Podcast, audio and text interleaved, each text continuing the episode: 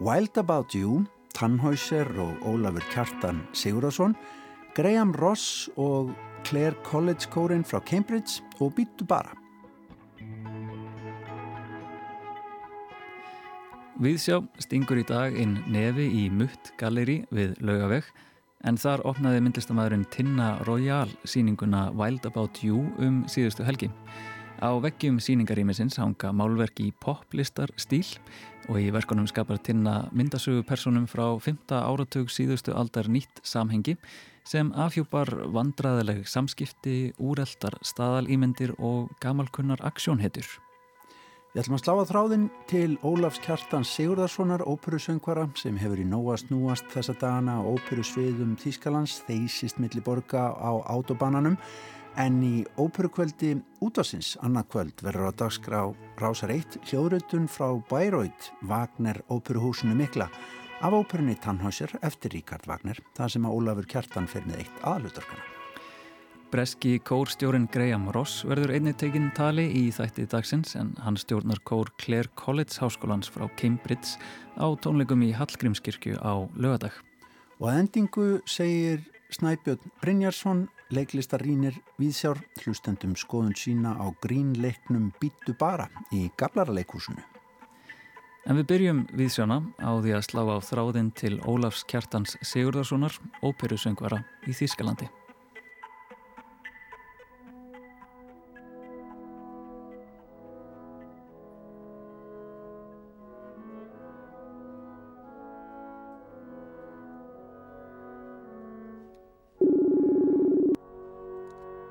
Halló.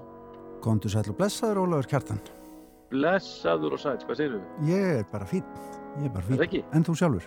Já, ég er bara nokkuð sprækur. Ég er að svona ná mér á strik eftir þessi erfiða helgi en ég er, ég er að marguleiti bara mjög góður takk. Ég frétti það að þú hefðir sungið tvisasinnum rík og letto á bara hvað innan við sólarring eða ekki? Eða- Já, ég misti tvær dætur á 22 tímum Þetta var tómt klúður Því lík örlög alltaf í þessum óperum Já, ég veit að þetta, það er lifað þetta aldrei af. Nei, þetta er náttúrulega búið að vera svo bilaðu tími sko út af uh, COVID núna undarfarið, undar, já undarfarið eitt og halvt ári raun og veru sko. Og núna þegar allt er að detta í gang svona hægt og rólega aftur þá er alveg bara ótrúlega mikið um sko bæði að kollegar eru að aflýsa og, út af, bæði út af því að plön eru að breytast með stuttum fyrirvara hjá fólki, óperuhúsin eru að hringla með prógrameringar alveg hægur og vinstri og og svo verður náttúrulega einhverju bara hreinlega veikir sko. Mm. Þannig að það sem gerist núna um helgina var það að sko þegar ég var á, ég var á Íslandi þarna síðasta vor, ég held að það var í, já, var í mæbyrjun þá, þá var hringt í mig og ég beði hann um að stökkva inn í, eh, á frumsýningu Rigoletto í, í, í svona meðalstóru óperuhúsi hérna í Dessau sem er ekkert langt frá Berlín, mm Báhásborginni og, og þá fór ég með stuttu fyrirvara frá Íslandi til Dessau æfði þar í einhverja þrjá fjóra daga og svo var náttúrulega frumsýningur frestað Já. og, og hérna núna fram í september og, og þannig ég samþykti samt að vera með taka þessa frumsýningu núna 11. september og svo daginn, nei, tveimur dögum áður var hringt frá allt og óperunni í Essen Já. og þá var þar kollegi að detta út og það var á sunnudeginum sko þannig að, að hérna, þetta var það voru sem sagt, þetta, ég endaði með tvær Rigoletto síningar á innan við sólarring og 2000 kilometrum í bílnum. Já, þannig að og þetta var ég náttúrulega bara tómt rugg sko. En, en hérna e, þú veist, með rullu eins og þessu sem maður kann svona vel og ég er búin að syngja svona mikið þá, þá náttúrulega hoppa maður gjarnan inn ef að, ef að áþarf að halda. Það er nú bara þannig. Og akkurat. vinna er vinna. En þú ert semst í Þýskalandi núna þegar við tölum saman? Ég er heim í Berlín núna, já. Einmitt. Og hérna Þú var að gerir út frá Berlín Já, við erum búin að búa sko, ég var á sínum tíma, ég kom til Þýskalands uh, þarna 2007-08 til Saarbrücken og var þar fastráðin í hvað, allavega sex ár og árið 2018 og þá fluttum við okkur til, uh, 18-19 fluttum við okkur til Berlínar. Einmitt. Þannig að við, ég gerir bara út hérna núna er hann verið sko. Akkurat. Og ég og konan mér búum hérna og yngri dóttir okkar sem sagt, eldri börnin okkar tvö og barnabörnin eru öll í Reykjavík en, en yngri dóttir okkar er hérna með okkur í Berlín.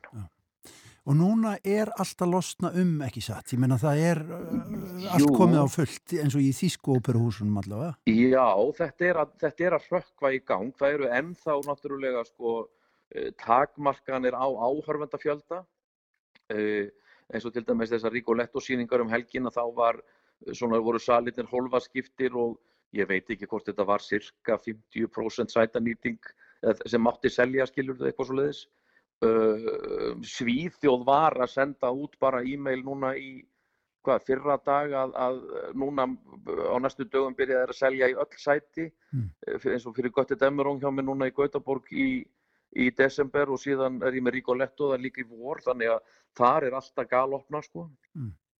Og en notabenni þýskuhúsin eru komin í gang, eru fann að vinna og fann að sína mm -hmm. en með svona ákveðnum skilirðum og takmörkunum en, en, en þetta er vissulega sko bara dásamlegt að sjá þetta vakna aftur heldur betur Alveg reynd. Sko, þú nefnir Ríkard Vagner, uh, við erum að ringja í þig af því að á annað kvöld þá verður hljóðrutun hér hjá okkur á dagskrá Rásar 1 þar sem að þú syngur í Tannhäuser í Bæróit. Já, frá því núna í sumar. Já. Já, súper. Og hérna Þú ert komin í það mengi, þetta helsta víi vagnarista í, veröldinni. Loksins. Er það ekki? Og, og, og gammal draumur að rætast, eða hvað? Segðu okkur hans. Já, engi spurning. Ég náttúrulega, sko, ég kom, sem ég segi, ég kom til Þýskalands eh, svona formlega árið 2008. Ég kom fyrst 2007 sem gestur og svo fastriðið mér þarna söðu frá 2008 og það var náttúrulega, þá var ég að, var ég að detta í færtugt. Mm og, og vissi það að ég þyrti að koma mér yfir til Þýskalands ef ég ætlaði mér að, að hérna, komast á þann stað sem ég ætlaði mér sem var að komast inn í sérstaklega inn í sko Wagner-fæið mm -hmm. þó ég vilji nú ekki gefa upp sko upp á bátinn að syngja mína verdi áfram, verdi-karakter og svo framvegis. En, en Wagner var náttúrulega lengt og ljóst þangað sem ég stemdi Wagner og Strauss og, og slíkt og það var síðan mjög fljótlega eftir ég kom til Þýskalands þá byrjaði ég að syngja, ég byrjaði á Lóangrin, hluturski Telramond í Lóangrin í Luxemburg 2009 líklega, það var mín fyrsta vagnarullla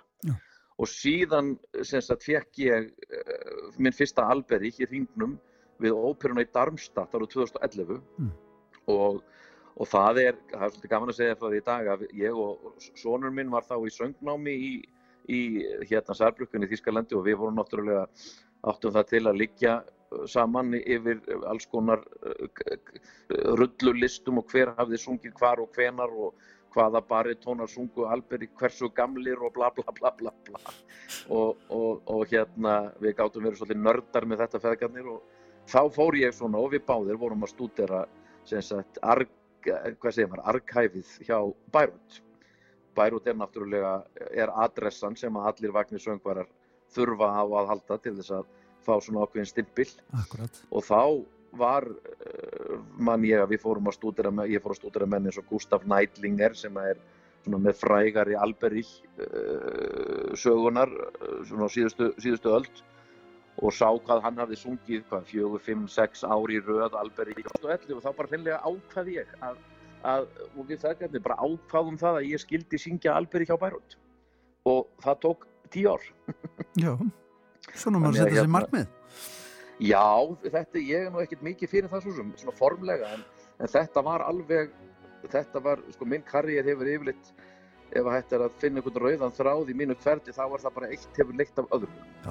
ég hef svona silta áfram og reynda að halda mér á floti en Alberich í ringnum var alveg klárlega mjög skýrt markmið hjá mér og, og það tók náttúrulega tíma og nú er ég, nú er semst loksins komið af því næsta sömar að, að þegar nýja ringurinn verður förum síndur þá, þá semst fer ég með hlutverk Alberich þar og verð líka búin að skrifa undir festspíli 23 mm. þannig ég er allavega komið með tvö sísón sem Alberich mm. Þú, að, En þú, þetta sem sagt var í fyrsta skipti núna í sumar sem þú varst þarna á sviði Já, í raun og veru, svona formlega. Ég reyndar sko, auðvitað náttúrulega átt í að vera þarna 2020. Það mm. átt að vera, 2020 átt að vera mitt debut, sem sagt á Bæraut og þá áttum við að æfa hringin fyrir árið 2021. Svo náttúrulega dætt festspíli 20, 20 út út af COVID. En ég var enga síður það sumar ráðinn í svona hlýðarverkefni á vegum hátíðarna sem var svona videoprójekt með tónskaldinu Simon Steen Annesen sem að mhm. gerir svona tímalúpur og, og við vorum þá í eina viku í Festspílhás og, og, og hérna uh, með alls konar tilraunir sem var síðan gefið út bara sem online svona streymi mm -hmm. en uh, vissulega mitt formlega uh, debut var núna sem Bíterolf í Tannhósir í sumar það er, það er þessi hljóritun sem við heyrum á morgun Hér. Já, akkurat, þannig að í sumar var ég sem sagt söngi Bíterolf þessar sexkýningar á Tannhósir svo var ég það sem maður kallar cover fyrir hlutverk Hollandingsins fljúandi sem og Klingsor í Parsifal og svo æfðum við náttúrulega allan ringin frá 1. júni til 28. ágúst við æfðum ringin í allt sumar fyrir næsta sumar Já. Og þá er það kannski var... líkil spurningin Ólaug Kjartan, hvernig er að syngja í Bæröyt? af því að ég mun aldrei gera það það er, það er bara lígilegt ég, það hefur sko það, hefur á, það er svona það er krefjandi að, að mörguleiti akkustíkin er mjög sko akkustíkin í húsinu er algjörlega dásamleg En Wagner var náttúrulega með þetta magnaða trikksitt að, að nánast fela alla hljómsveitina meira og minna undir sviðinu Einmitt. Og þó að maður rétt sjáu, nú, maður sé nú glitta í, í strengina uh, fremst og hljómsveitastjóran en ekki mikið meira. Það gerir það verkum að við sem að erum á sviðinu við uh, í raun og veru er það þannig þegar maður hefur á tilfinningunni að maður sé aðeins á eftir í slægi eins og maður eftir tempóinu mm -hmm. þá er maður yfirleitt 100% réttur já. þannig að Nú þarf það að senka þér aðeins í, í raun og veru já og við erum með sko yfirleitt má segja maður sé með tvo hljómsveitastjóra þar að segja aðal hljómsveitastjórun situr í grifjunu og náttúrulega gerir sitt besta en margir eigða miklum tíma þar í að hræra í hljómsveitinu og, og láta þann sem er í kvíslarabóksinu fremst á sviðinu mikið um það að halda söngurunum í skefjum. Þannig að það fer svolítið eftir hver er að stjórna í grifjunni að sumir hljómsveitastjórar eru þannig að maður horfir frekar á, á það sem við kallum promptaran mm. og fáum slægið þaðan og þá, mm. það er svolítið trikki, maður er í sjónlínunni, ertu með tvö slög en þau eru ekki syngi og það er doldið fyrstu eins og Axel Kóper sem er nú einn af mínum uppvæðast sjónstastjórnum sem að stjórnari með Tannhausen sem sem að þið heyrið annað kvöld eða stjórnað okkur í sumar hann er alveg dásamlegur hljómsveitastjóri og hann þurft að taka mig aðeins á teppið eftir til dæmis frumsýninguna sem að gæti verið reyndar síningi sem þið heyrið sko Já. og af því þá var ég aðeins á undan í tempo á einhverju stað mm. og svo var ég eftir á annar staðar Jésús minn segir bara Þannig að það er svona, þá, þá er maður tekin ekki beint á teppið en það er sko til dæmis á hverju einustu síning á Tannhäuser um leið í fyrra hljegi þá fórum við allir, við kölluðum okkur nú hérna Il Divo strákabandið en það eru þess að, þess að við kallarnir á sviðinu. Við fórum alltaf með Axel Kóper og öllu músikstaffinu inn í æfingarsal á hverju einustu síningu í fyrra hliði til að æfa uh, samsöngin í öðrum þætti sem er mjög trikki og það sem að líka gerði þessa síningu núna eiginlega meira, sko, ekki, ekki minni áskorum var það að við vorum með sem sagt tvo kóra uh, fullmannaðan kóra á sviðinu sem söng ekki heldur hreyfðu munnin og sagt, mæmuðu. Mm. en síðan var syngjandi kórin út í kórsal og hann var sendur í gegnum, uh, sagt, gegnum výrana í spíkara á sviðinu. Út, út af COVID þannig að við vorum ekki með syngjandi kóra á sviðinu og að syngja þetta allt saman var gríðarlega trikki Ég trúi því. Herðu, við Þannig, þurfum að fá að fylgjast betur með þessu, Ólaug Kjartan, og, og, og, og framtíðinni hjá þér í Vagnar vegna sem þú ætla náttúrulega bara að taka hann í nefið næst, næstu misserinn, ekki satt? Ekki spurning. Já. Takk kærlega fyrir spjalli, við fylgjumst áfram með þér og þínum söngsegurum. Takk kærlega fyrir Ólaug Kjartan. Já, takk svo mjög leiðis. Við bæðum að heilsa heim. Bless, bless. bless, bless. sich stolz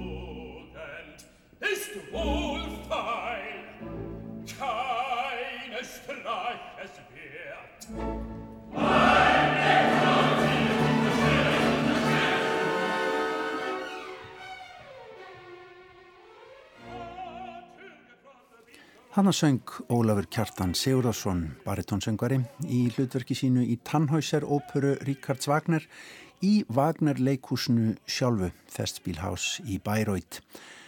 Og þessi ópera og þessi hljóðrutun verður öll á óperukvöldi Ríkisútasins á morgun. Það verður Una Margret Jónsdóttir sem leiðir hlustendur í allan sannleikan um þessa merkilegu óperu. En úr óperunni og yfir í leikúsin Þar ætlum við að huga að hlátur sprengju fyrir glaðsina grindabotna eða svo hljóðar lýsingin á síningunni Bittu bara sem sínd er í Gablara leikúsinu um þessar myndir. Snæbjörn Brynjarsson, leiklistarínir Viðsjár, kýtti á síninguna. Förstu daginn 10. september frumsýndi Gablara leikúsið verk sem er einhverstaðar á milli þess að vera söngleikur, uppistand eða jafnvel revija. Látum skilgreininguna liggja á milli hluta og köllum þetta gamanleik en verkið heitir Bítu bara og er með þremur leikonum, Björk Jakobsdóttur, Selmi Björnsdóttur og Sölkusól Eifeld. Karl Olgersson sá um tónlistverksins, Þórun Marja Jónsdóttir hannaði leikmynd og Ágústa Skúladóttir leikstyrði. Björk Jakobsdóttir er vel þekkt gamanleikona, grín einleikur hennar, Sellofan sló rækilegi gegn fyrir 15 árum og túraði síðan allengi og var meðal annars sett á sviði flutningi annara leikvenna og öðrum tungumálum. Sá einleikur fjallaðum nútíma konuna og raunir hennar og það gerir þessi þryggja kvenna leikur líka sem skopast að batna uppeldi stefnumóta menningu á tindir, kvíða, grettu, áhyggjum og væntingum. Væntingar mínar fyrir þetta kvöld voru ekki miklar. Mér þótti plaggatið hallarislegt og sömuleiðis suðsmyndin sem var eitt risastort raukt leg. Ég taldi ólíklegt að verkið myndi höða til mín enda snoppaður Kallkins menningarviti og hugðist hlust eftir salnum og heyra á viðbröðum Markópsins hversu vel hefnaði verkið veri. Það komir því verulega óvart hversu fyndið mér fannst verkið vera. Býtu bara er fyndnasta síning sem ég hef séð lengi á nokkur svafa fyndnasta síning sem ég hef séð á þessu ári og ég á ekki vonaði að hlæja eins mikið aftur í leikúsi á þessu ári. Svo það er einungis af því ég skrifaði hennan dómi í september sem ég fullirði ekki að þetta sé fyndnasta síning ársins en samt er ég til ég að veðja upp á að hún séða. Salka Sól og Selma Björnstóttir eru betur þægtar sem söngkonur heldur en gamanleikonur en er einhvað síður ótrúlega fyndnar þegar það lýsa litlu og stóru ósýrónum í lífi sínum. Salka er skiljarlega mest í bröndurum sem tengjast barnegnum enda hún von á badni og lísti einlagri löngun til að vera gellumamma með grá tóna barnaherbergi með gráu indjanataldi eins og gellumömmunar á Instagram virðast allar hafa. Selma lísti frekar raunum sínum að því að vera einstæði móðir með ótal verkefni sem kemur ekki auga á marga karlkosti á Tinder. En það er svo litið ábyrjandi hvað samfélagsmiðlar og kvíðin sem fylgir notkunni þeirra eru stór partur af síningunni. Það ætti samt ekki að koma á óvart Því það er ekki nokkuð manneskja á Íslandi í dag sem yrði ekki hamingjusamari ef hún týndi símanum sínum og sæja hann aldrei aftur. Björk hefur í sínum einræðum og samtölum við hinnar frekar ágjur af því að eldast, henni er tíðrætt um breytingaskeiðið og um síni sína sem eru ólíklegir til að finna sér góða konu eða kaupa eigin fastegn. Eins og í góðu uppbyrstandi byggja brandararnir líkast til að mest og eigin lífsreynslu og leikonurnar koma fram undir eigin nafni og tala af yktri auðmygt um líf sitt. Það er engin ástæða til að efast um einlagnina í mörgum tilvíkum því þetta eru hverstagslegi lutir sem það er tala um með kannski lýsinguna á trekantinum sem fer úr böndunum sem eina af aðal undantekningunum en þetta er samt ekkert hjáttningaverk. Leikurinn er yktur, farsækjandur og brotin upp með söngum. Söngatriðin eru ágætlega hefnuð, þar naut Selma Björnstótti sín best Af þessum þremur leikonum er hún styrðust í samræðum og einræðum en er langbest þegar það kemur að söngnum. Mömmulagið var stórfenglegt en allir besta lag síningarinnar og líka það sem er með víðustu skýrskotununa sé ekki kvíðalagið sem hún og Salka fluttu saman. Karl Olgesson samti tónlistina með leikurunum og tekstarnir eru yfirlegt alveg frábærir. Í gegnum síninguna bregður orðasambandinu býtu bara fyrir. Þetta er vísun í það sem eldri kynnslóði segja gjarnan við þar yngri. Býtu bara það til barnið fæðist, býtu bara þar til aðeir úlingur, býtu bara þar til þú verður eldri og þau fyrir að verkja hér og þar. Það er núningur millir kynnslóða í verkinu, salka díla við óttanum að foraldrarnir sólundi arfinum og skilji ekkert eftir handa henni og börnum, en Björk hefur mestar ágjur af því að næsta kynnslóð eigi sér enga framtíð. Á meðan er Selma í núinu, í sex vinnum, allstaðar og hverki, en eins og núvindundar námskeiði sem Björk heldur í uppafi síningar undistrykar, þá eru við aldrei núna heldur alltaf komin á næsta stað. Lífið er eitt stórt býtu bara og við getum annarkort ákveðið að kvíða fyrir því eða hlaka til. Að því leitinu til er býtu bara mjög existensialískur grínleikur sem kennur okkur að þó svo okkur hætti til að skilgrina okkur út frá öðrum og hvernig aðri sjá okkur þá eru það samt við sem ákveðum hvernig við skilgrinum okkur sjálf. Eins og áður saði átti ég ekki endilega vona á að tengja við reynslu heim þessara þryggja kvenna við þótti plaggatið, suðsmynd og búningar hallaríslegir en fyrir mér er bítu bara óvendasti gleðigjafi ársins. Sýningin er einfallega það vel skrifuð og það kröftulega flutt að allir sem fara á hana munu gleima sér í hláturinum. Sagði Snæbjörn Brynjarsson um síninguna Bítu bara sem er óvæntasti gleðilegur ársins að hans mati. Já, hlátur sprengja fyrir glaðsynna grindabotna, það lítur að vera eitthvað fyrir okkur, Tómas. Mm -hmm, algjörlega. En við snúum við sjánu aftur að tónlist og heyrum fagran korsöng. Þessi kór er á leiðinni til Íslands.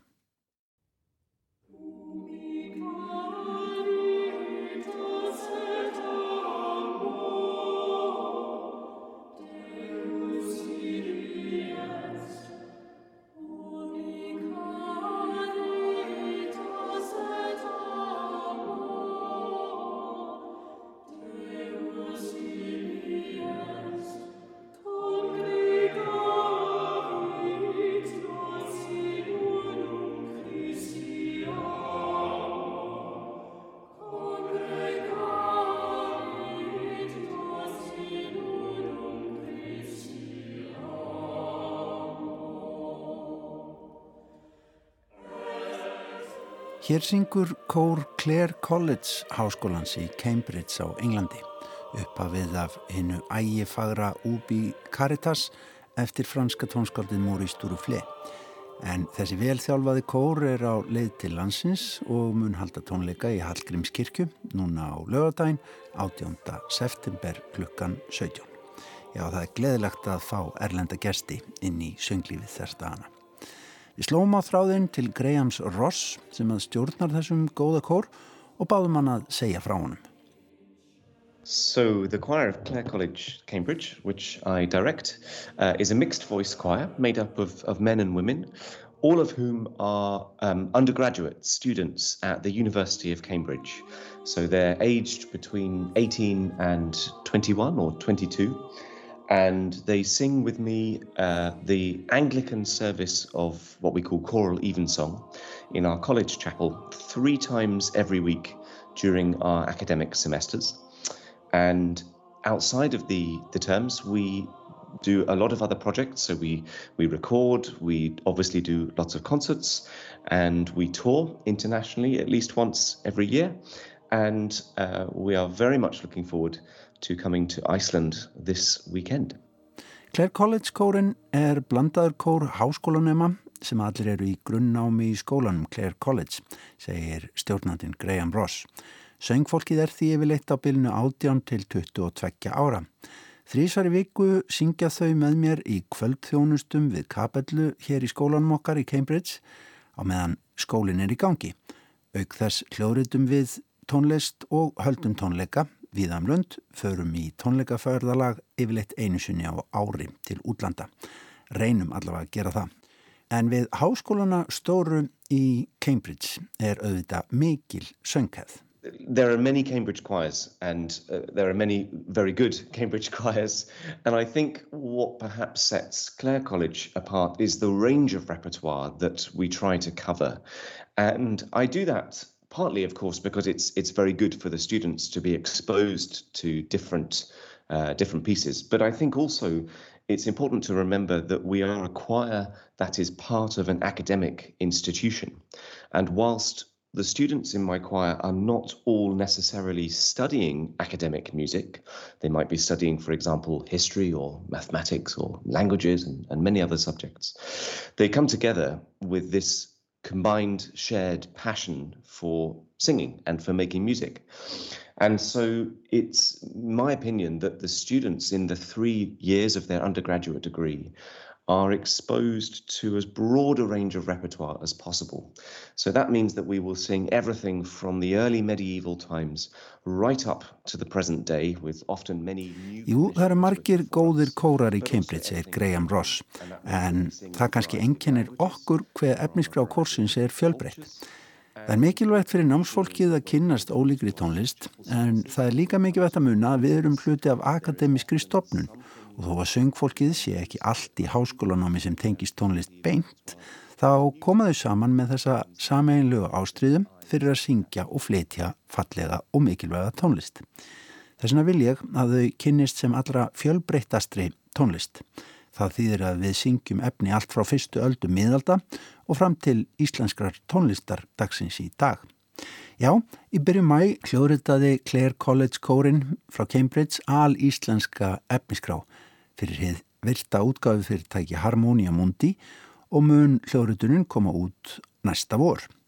Hluti af því efni verður á tónleikoninu um helgina en á plötunni munu þau eiga verk Anna Þorvaldsdóttir, Jón Leifs, Jón Áskesson, Snorri Seifús Birgisson, Alli Heimi Sveinsson, Hjálmar Há Ragnarsson, Tryggvi M. Baldvinsson, Þorkil Sigurbjörnsson, Sigurður Sæfarsson og Sigurós. We've just been immersed in the Icelandic language and repertoire and composers, some of whom are living, some of whom passed away.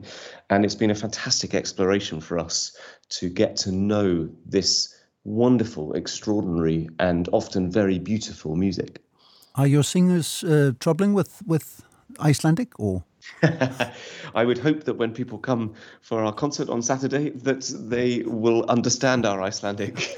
but it's been something that we've been working on very carefully and our great friend Sigurður Sævason, who is one of the composers whose pieces we will be performing, um, him and his wife have been extremely generous and helpful to us. And in fact, they came over to England uh, this summer to help us as language coaches when we were recording our Icelandic album. Við höfum notið þess í botna sökk okkur ofan í þessa íslensku tónlist og tungumáli, segir Graham Ross. Þetta hefur verið frábær könnuna ferð fyrir okkur. Við tókum tónlistina upp í sumar og við vonum að framburðunin hjá okkur sé sæmilega vandaður, vonum að þetta verði ekki pínlegt um helgina. Sigurður Sæfarsson, tónskald sem að á verk á upptökunni og kona hans hafa hjálpað okkur með íslenskuna, segir Ross.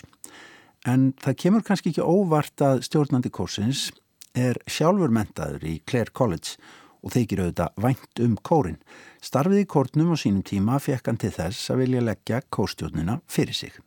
Well, I, in fact, I was a member of the choir of Clare College, Cambridge, uh, when I was an undergraduate myself. Okay. So I know Clare College very well, very intimately, and I have a great affinity and love for the place. Um, so I studied there as an undergraduate, and I started my interest in conducting when I was at my university years. Og vitanlega er kórstjórn á því að kórsöngur sé mikilvægur fyrir sálina. Það að syngja saman er einn mesta misteri að lífsins, segir hann. Það er svo mikilvægt að finna að maður er partur af stórum hóp og kórastarf er auðvitað fullkomið til þess. Fólk lærir aga, það lærir að hlusta á hvort annað, lærir að virða tónlistina og söngfélagana. Og þetta er allt mikilvægt. Maður hefur fundið fyrir því núna í faraldrinum að undanförnu hvað þetta er óskaplega stór partur af lífimanns. Við getum alltaf beðið eftir því að koma til Íslands að halda tónleika, segir Graham Ross. I think singing and making music in general is one of the great wonders and one of the great mysteries of life. People who collectively make music together and who experience the, the process of of being part of a larger group and creating something which is, I mean, it's a cliche, but everyone says it's a universal language. And of course it is. It, it crosses barriers and it, it crosses stereotypes. But it's uh, an opportunity for people to learn discipline, to learn commitment, to most importantly learn how to listen and to respect. And that is to respect the music, to respect others around them, and making music with my students, but with any group that I work with, is for me, it's a wonderfully collaborative process. And I think that's very important for us as musicians in our training that we learn how to listen to others, how to adapt, and of course, how we share our ideas with each other. But in order to come to a, a kind of common output, a common goal at the end, which we all feel that we have contributed to. And certainly in the last 18 months during the pandemic, of course, this has meant even more to us than ever before because we ha- have all been denied the opportunity to be able to make live music together. And in fact, when we fly to Iceland uh, for this performances this weekend, it will be the Choir of Clare College's first overseas performances for 639 days, which is by far the longest time in all of our history that we have not been able to share our music making uh, with our friends and audiences abroad. Saði Graham Ross, stjórnandi Clare College Corsins sem að heimsækir Hallgrímskirkju um helgina, heldur tónleika þar klukkan 17 á lögadag. Og hér er kórin að syngja saman með hjálp tækninar yfir netið nýlega þegar ekki mátti koma saman til að syngja. Og jú, þá var það auðvitað Bach sem var mikilvægastur til að syngja.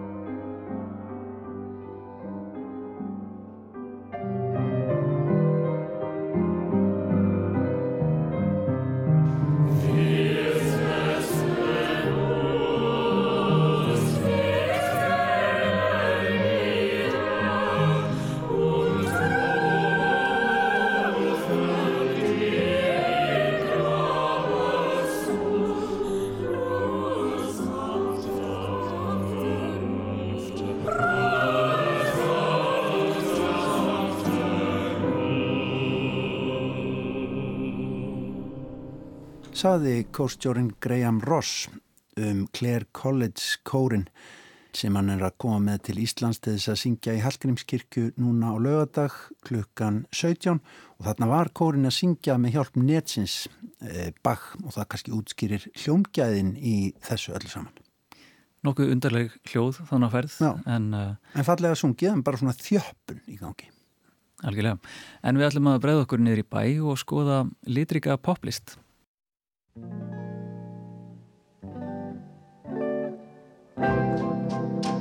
love must be a kind of blind love.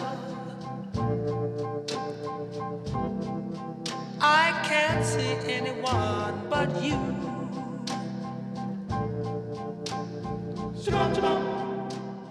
Listamæðurinn Tinna Royal opnaði um helgina síninguna Wild About You í galeríinu Mutt á lögavegi.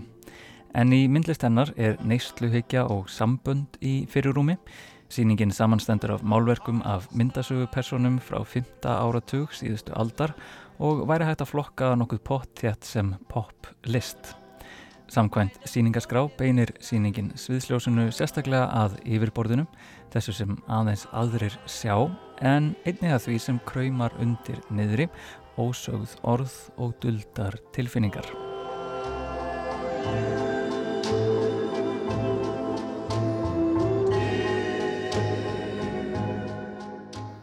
Ég gerði mér ferð í Mutt Gallery á laugavegi, hitti Tinnu Royal og fekk að spurja hana út í síninguna.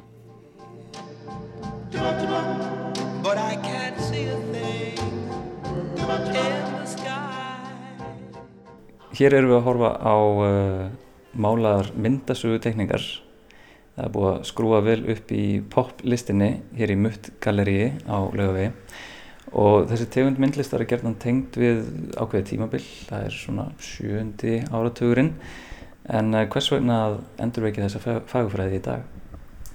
Ég, ég sennilega bara alltaf verið heitlega af henni frá því að ég var bara lítil og ákvaða að verða myndlistamæður að þá hefur svona þessi stefna eiginlega átt mig síðan. Ég hef hérna ekkert reynda að hérna víkja neitt frá henni, hún heldur mér fast. Mm. Þannig að mér fannst um, alveg kjörið að, að, að baða mér henni þegar ég fekk tækifæri til að vera með þessa enga síningu í mött galleri og um, þetta kemur allt frá myndasögublöðum frá 5. áratöku þegar ekki? Jú, þau hérna ég fann síðu sem er eiginlega engungu hvað ég segja tímaritt frá 30 til 50 um það byl sem eru komin í hérna almanna eigu og hérna þau eru mikið um ástasögur og hérna draumahjónaböndin en líka um hetjusögur sem gerast fljóðlega eftir stríð og svona þannig að ég einhvern veginn bara týndi mig þar. Og, uh, og þetta er svona já, svona koktelarreila sem þú býrð til úr, úr þessum uh, myndasögum. En uh, þú tekur þær úr samhengi og sínir þær hér í, í nýju samhengi. Um, hvað svona gerist við þessi skipti? Sko í, í gegnum sérst, blöðin sem ég hef skoðað þá hérna, skoðaði ég frekar rætt ég á auðvöldri með að hérna, sjá myndirnar ef ég fer ekki í söguna.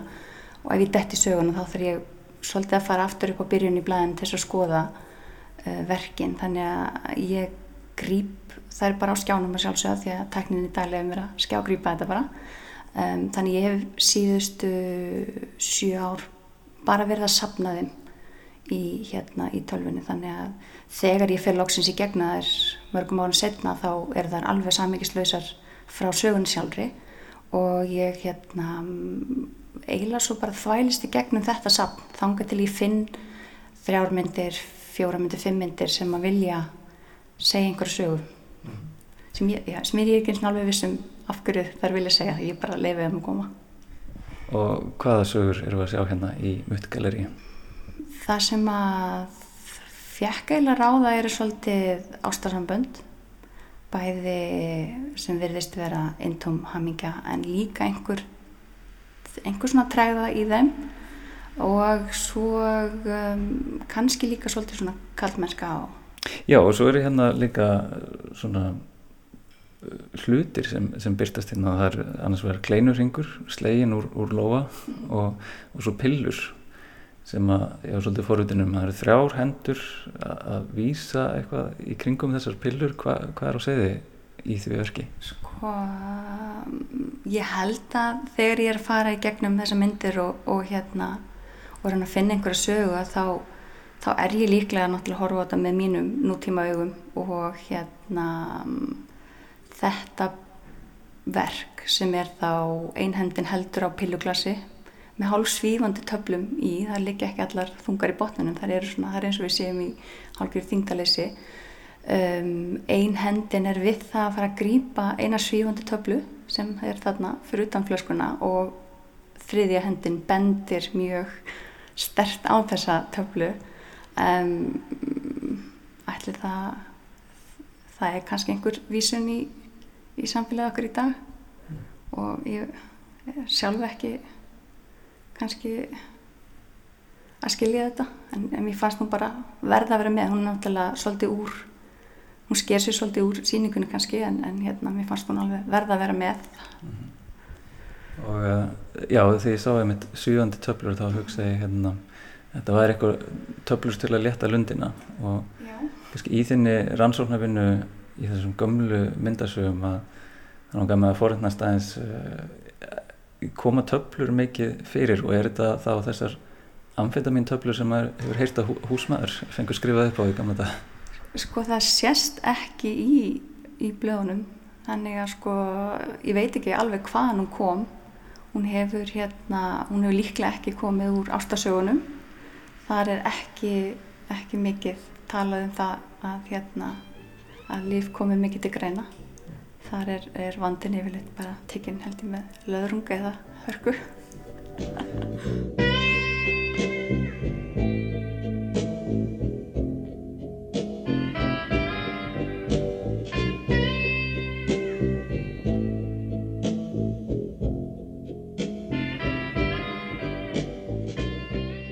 En ástasögunar hins vegar spila hérna kannski líki hlutverk í þessari síningu uh, það er mikið um samskipti kynjana, reynda svolítið um flugvelar og sprengingar líka.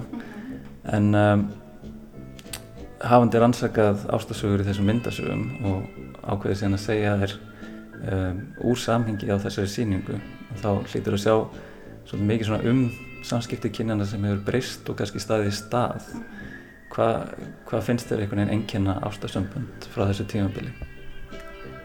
Sambönd sem að þú veist eins og ég, ég er búin að vera í sambandi með sama strák síðan ég var 14 ára og hef aldrei þurft að um, kannski upplifa sambönd eins og flestir hafa gert. Það sem ég er ekki viss. Ég þekki bara um, mín sambönd en það sem að sér svona í sjónvarpum og í kvik, veist, kvikmyndum og í bókum og og svona í gegnum vini og eitthvað svona þá, þá finnst mér þetta ásvöldlega flóki fyrirbæri. Fyrir mér steinleikur þetta þetta er hérna, það var volið einfalt. Ekkert svo ólíkt þessum bókum sem ég er kannski að skoða. Þetta er bara svona e, eh, ástuð fyrstu sín og, og mun sennilega endast langt, langt fram í tíman að sjálfsögðu. En hérna þannig að mér finnst þetta er rosalega forvinnlegt fyrirbæri þannig að þessi, ég, ég er sennilega ekki að tala með um í reynslu, ég er bara að skoða þetta þú veist 60-70 ára gummul ástasönd í blöðum og bera saman hvað mér finnst það sem mér finnst ég skilja nútíma samband sem eru heiminn og haf myndi að halda. Mm. en þetta er, já, þetta er bara ég að skoða með mínum nútíma forvitna augum. Já, og Já og svo einmitt eru þarna svolítið mikið um aksjón kalla að hoppa út úr flugvelum eða í kringum flugvelar og sprengja upp hluti og svona það kannski sínir og, og sannar að við hefum svolítið að horfa þetta enþá í dag í kvikmyndum nútímans og finnst þér svona þessi aksjón ímynd hafa kannski staðið í stað síðan, síðan á 5. áratögnum? Já, mér finnst þetta að vera hér um byrj samilhuturinn þessi æsi, æsi myndir og, og þessi harka og strísmaðurinn og, og slagsmála hundarnir eitthvað svo leiðist. Þetta er eitthvað sem við höfum kannski látið óreift af ástæðan sem ég skil ekki en þessi romantík og svona sem var síndið sem blöðum er, er þið líklega reyfin í nokkra bytta mm. í dag.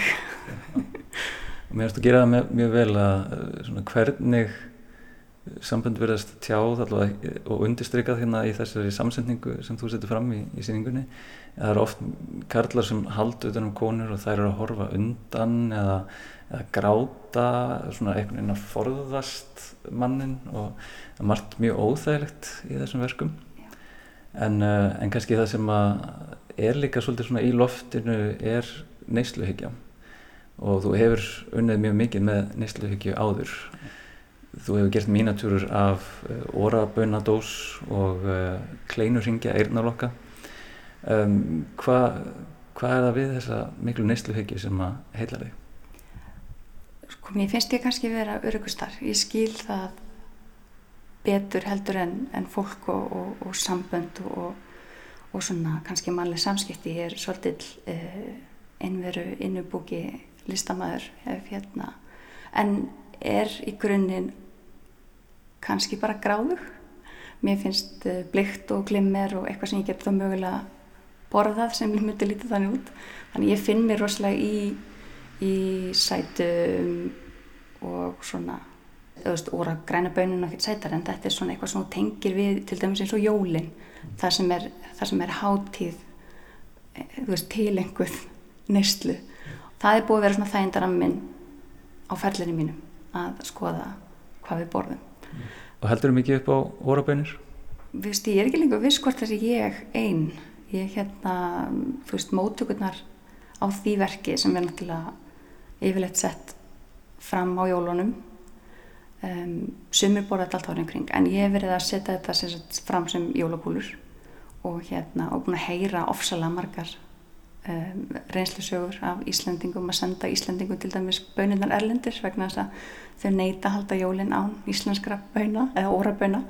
Þannig að hérna, ég er ekki alveg viss lengur hvar ég er í með órabönnir og hvernig viðskiptavinninu mínir hafa haft áhrif á mig.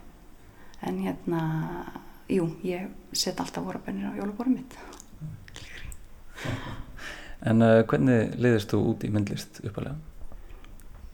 Ég veist, getur ekki haldið fram ég hef alltaf ætlað að vera myndlistamæður þegar við erum í fyrsta bekk þá fáum við eitthvað svona blað sem við erum að fylla út. Hvað ætlar að vera stór og, og hérna þú kemur með myndaðir í skólan þetta er límt í blaði og svona látið fylgja þér. Og þar vildi ég skrifa ég vil vera myndlistamæður en hérna alltaf þessi ekki fyrsta skipti sem einhver segir svona er það raunhæft? heldur þú getur lifað því? En ég endaði að skrifa búðakonna sem ég síðan hef líka gert en hérna en ég er búin að vilja vera myndlistamæður frá því ég man eftir mér. Og hérna sennilega allir í fjörskildinu haldi ég fram að ég verði var stór þannig að kannski var ég bara gegn fólkdurinn mínum.